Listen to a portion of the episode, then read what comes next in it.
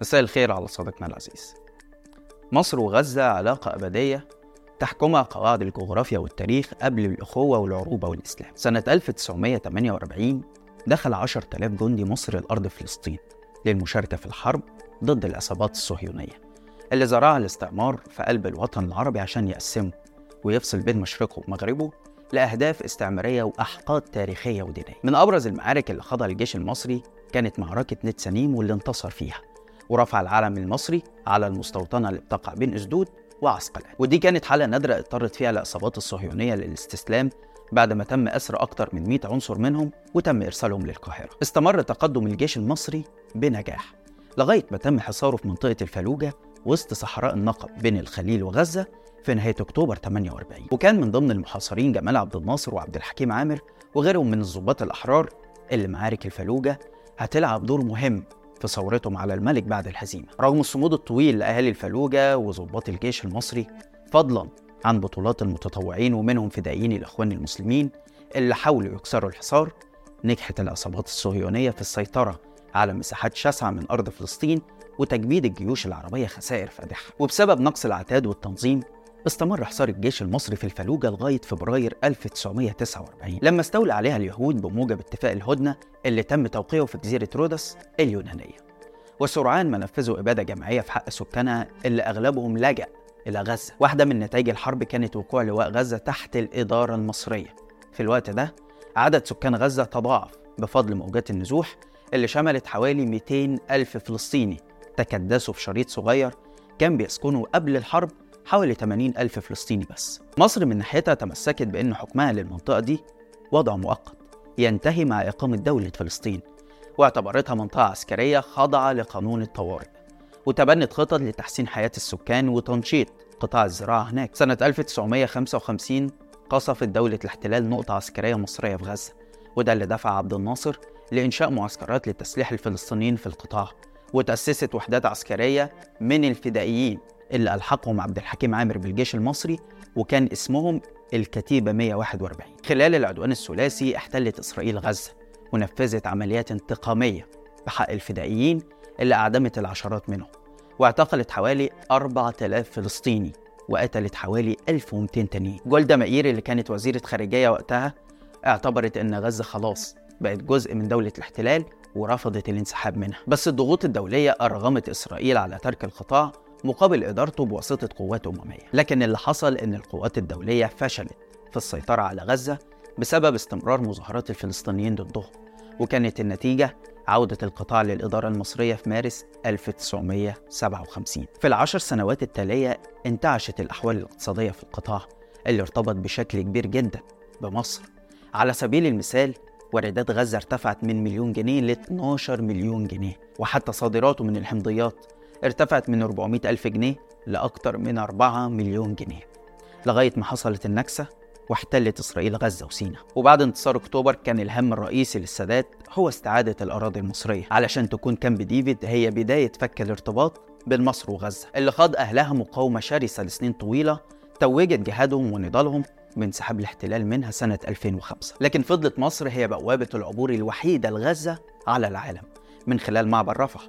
اللي النهارده بيشوفوا ملايين الفلسطينيين أملهم الوحيد في تلقي المساعدات الإنسانية وعبور المسؤولين الدوليين ونشطاء السلام الراغبين في وقف الحرب وعمليات الإبادة الجماعية اللي بينفذها الاحتلال في حق سكان غزة. ليه السيسي رافض يفتح معبر رفح بدون إذن إسرائيل؟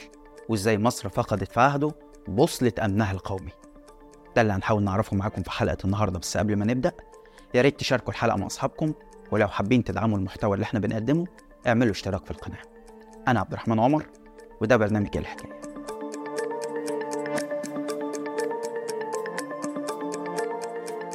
مصر ضد أي استهداف للمدنيين من أي جانب. المنظور يبقى منظور عادل. منظور يعني يدين سقوط الضحايا من كل الجوانب. لا يوجد ميزة لجانب أو أفضلية لجانب عن الجانب الآخر. الجميع سواء وإحنا جميعا ضد سقوط أي ضحايا أبرياء مدنيين. أهلا بيكم. رئيس وزراء مصر بعد حوالي شهر من بداية عدوان غاشم على قطاع غزة اقترب ضحاياه من حاجز العشر تلاف شهيد حوالي نصهم من الأطفال. قرر يروح أخيرا لمدينة العريش في شمال سيناء مع وفد من الفنانين وأبطال مسلسل الاختيار اللي بيتعاملوا كأنهم مقاتلين حقيقيين. أنقذوا مصر من الفوضى والدمار. السيد مدبولي وقف بكل جرأة وقال مش هنسمح لحد إنه يصفي القضية الفلسطينية على حسابنا. يعني ببساطة صفوا القضية عادي بس مش على حساب مصر. حلوا مشاكلكم بعيد عننا. وبعدين راح وقف على معبر رفح وقال إحنا ضد سقوط الضحايا من الجانبين وإن مفيش أي ميزة أو أفضلية لجانب عن التاني. وناشد العالم إنه يتم السماح لعبور شاحنات المساعدات عبر معبر رفح اللي هو أصلا بيربط بين مصر وقطاع غزة الفلسطيني. وفعلا تاني يوم فتحت مصر المعبر عشان تسمح بمرور 70 جريح للعلاج في الخارج. بالإضافة ل 400 من حاملي الجنسيات الأجنبية اللي دولهم بتضغط من بداية الحرب عشان يتم إجلائهم مدير المستشفيات في غزة الدكتور محمد زقوت قال إننا قدمنا لمصر قائمة فيها مئات الجرحى المستحقين للعلاج في الخارج من ضمن 22 ألف جريح على الأقل. وده لأننا عارفين أوضاع المستشفيات في غزة عاملة إزاي. فضلا عن استهدافها المستمر من جيش الاحتلال. مصر من ناحيتها وافقت على مرور 80 مصاب. خرج منهم 70 بس. وده ببساطة لأن الباقي ماتوا. وكالة رويترز كشفت أن فتح معبر رفح المؤقت ده حصل بوساطة قطرية ضمن اتفاق سري بين مصر وإسرائيل وأمريكا. وهدفه الأول طبعا هو خروج حاملي الجنسيات الأجنبية. مفيش شك أن حركة مدبولي دي مكشوفة وأكيد حصلت كمان باتفاق وتنسيق مع إسرائيل لأنها قصفت المعبر أربع أو خمس مرات بدون أي رد فعل مصري. وده معناه إنه رايح يقف قدام المعبر وهو متأكد إنه مش هيتعرض للقصف في الوقت ده. ده غير طبعا إن إسرائيل قصفت نقطة حدود رقم 3 بالقرب من معبر كرم أبو سالم قبل ما تعتذر عنه وتقول خطأ غير مقصود بالإضافة للطيارات المسيرة اللي وقعت في طابة ونويبع وأصيب على إسرها مواطنين مصريين واتضربت السياحة تماما في المنتجعات دي. المشهد ده معناه ببساطة إن مصر فاقدة سيادتها على أرضها. وعلى معبر رفح اللي زي ما قلنا بيربط مصر بفلسطين. مفيش إسرائيل خالص في الموضوع.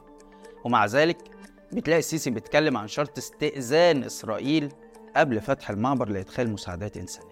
لازم أسجل هنا وأقدر جدا الجهود اللي بذلت من فخامة الرئيس بايدن ومنكم في إقناع إسرائيل بالسماح بفتح معبر رفح حتى يمكن لنا أن نقوم باصلاحه نتيجة القصف اللي تم فيه خلال الأيام الماضية. حتى الآن للأسف لم تتخذ الحكومة الإسرائيلية موقف يؤتي إمكانية فتح المعبر مش كده وبس ده جيش الاحتلال كمان بيفتش كل المساعدات اللي داخلة لأهلنا في غزة ورغم إنها بتدخل من معبر رفح لكنها بتمشي في مسار واصل للطريق الدولي بين مصر وغزة في اتجاه معبر كرم أبو سالم.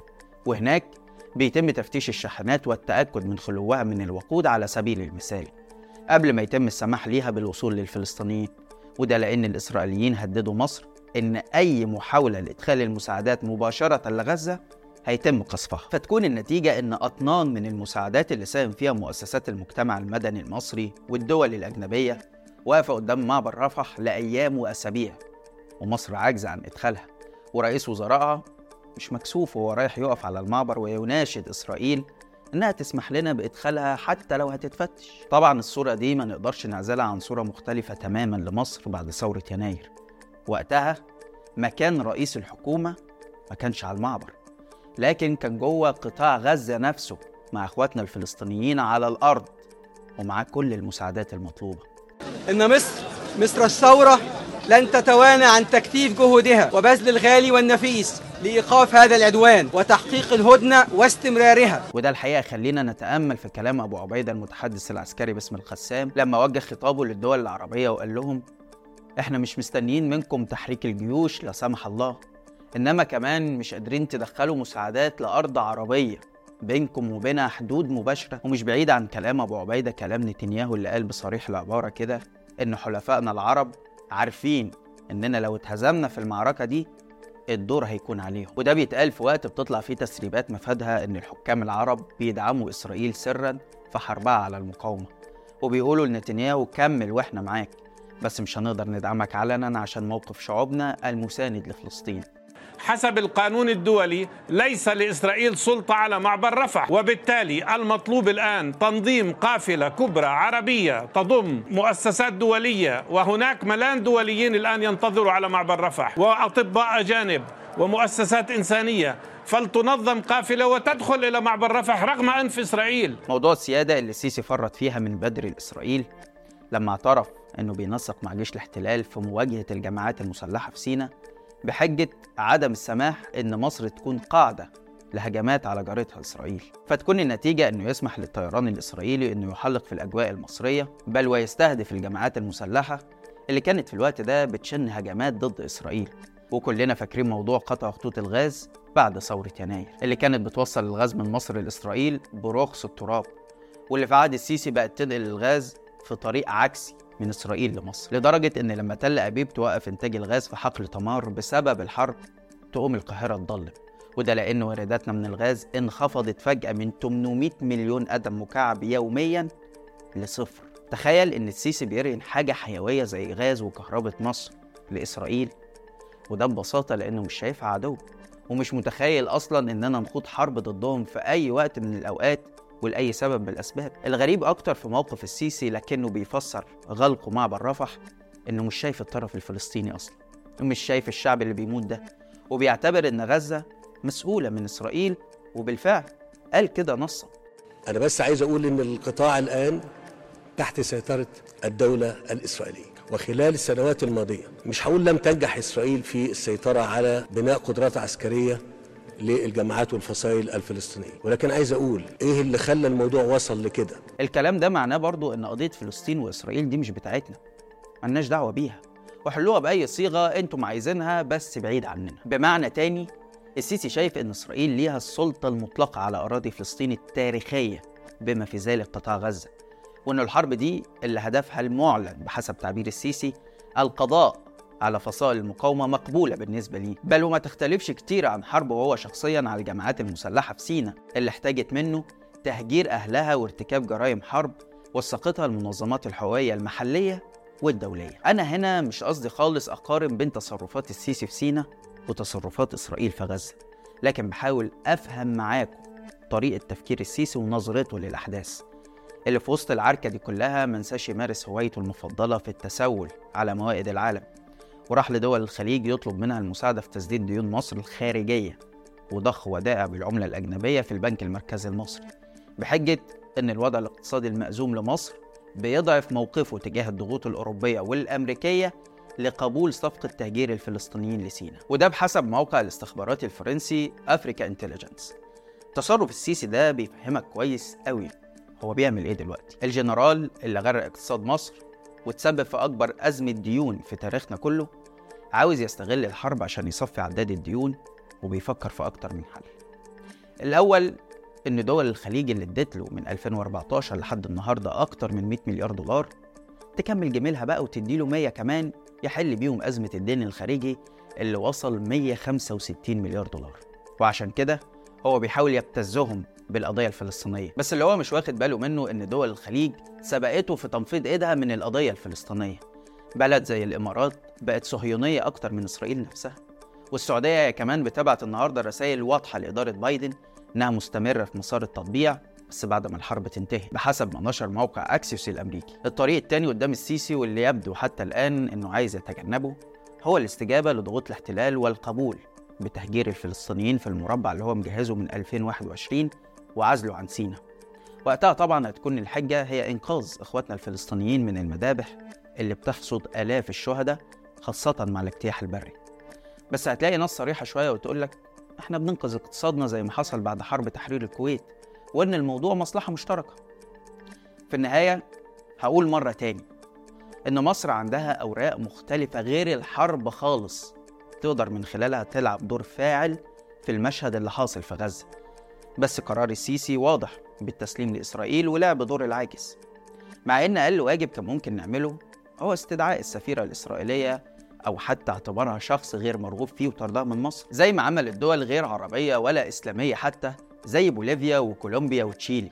la determinación de romper relaciones diplomáticas con el Estado de Israel en repudio y condena a la agresiva y desproporcionada ofensiva militar israelí que se realiza en la franja de Gaza y la amenaza de la paz y la seguridad internacionales. سيب الناس تخرج تتظاهر معاهم زي ما بيحصل في نيويورك ولندن وباريس اللي حكوماتهم واقفة بكل قوة مع الاحتلال أوقف التعاون الأمني والتطبيع الاقتصادي معاهم خد قرار بممارسة السيادة على أرضك وافتح معبر رفح للمنظمات الدولية والأمم المتحدة عشان تدخل المساعدات الإنسانية لملايين الفلسطينيين. اللي يمكن البعض مش عارف إن غزة زي ما شرحنا في بداية الحلقة تلتين سكانها هم عائلات وأسر لاجئين من سنة 48 والقطاع فيه 8 مخيمات لجوء كبيرة. أبرزها مخيم جباليا اللي شهد يوم الثلاث اللي فات مجزرة راح ضحيتها 400 شهيد. الفلسطينيين في غزة حالفين ما يسيبوش بلدهم وما يتعرضوش لنكبة تانية. ورغم كل القصف الجنوني لجيش الاحتلال ثابتين على أرضهم ورافضين الفرار. بس في المقابل العالم بيتفرج عليهم وهم بيتم إبادتهم على الهوا مباشرة. وحكومة مصر للأسف متواطئة ومتورطة في حصارهم. وكل اللي يهمها هو الفلوس اللي ممكن تيجي من ورا معاناتهم. اقرأ التاريخ اللي بدأنا بيه عشان تعرف إن غزة طول عمرها الامتداد الطبيعي لمصر. شوف إزاي لسنوات طويلة عاش أهلها تحت إدارة مصرية بتسلح وتساند الحق الفلسطيني في مقاومة الاحتلال. وبعدين بص النهاردة عن تخلي مصر عن دورها في حماية غزة ومش بس كده. شوف إزاي مصر في عهد السيسي بقى الأمن القومي بتاعها قايم على التعاون والتنسيق مع الاحتلال في مقابل التوجس وتخوين الفلسطيني. لو شفت كويس إحنا كنا فين وبقينا فين أعتقد هتدرك إن اللي بيحكمنا صهيوني أكتر من نتنياهو نفسه. بس كده لحد هنا والحلقة خلصت. شارك الحلقة لو عجبتك وتابع حساب شباك وحسابي على الإنستجرام هتلاقي اللينك في الوصف. واستنانا كل يوم اثنين وجمعة الساعة 8 بالليل بتوقيت القاهرة في حلقة جديدة من برنامج إيه الحكاية. سلام.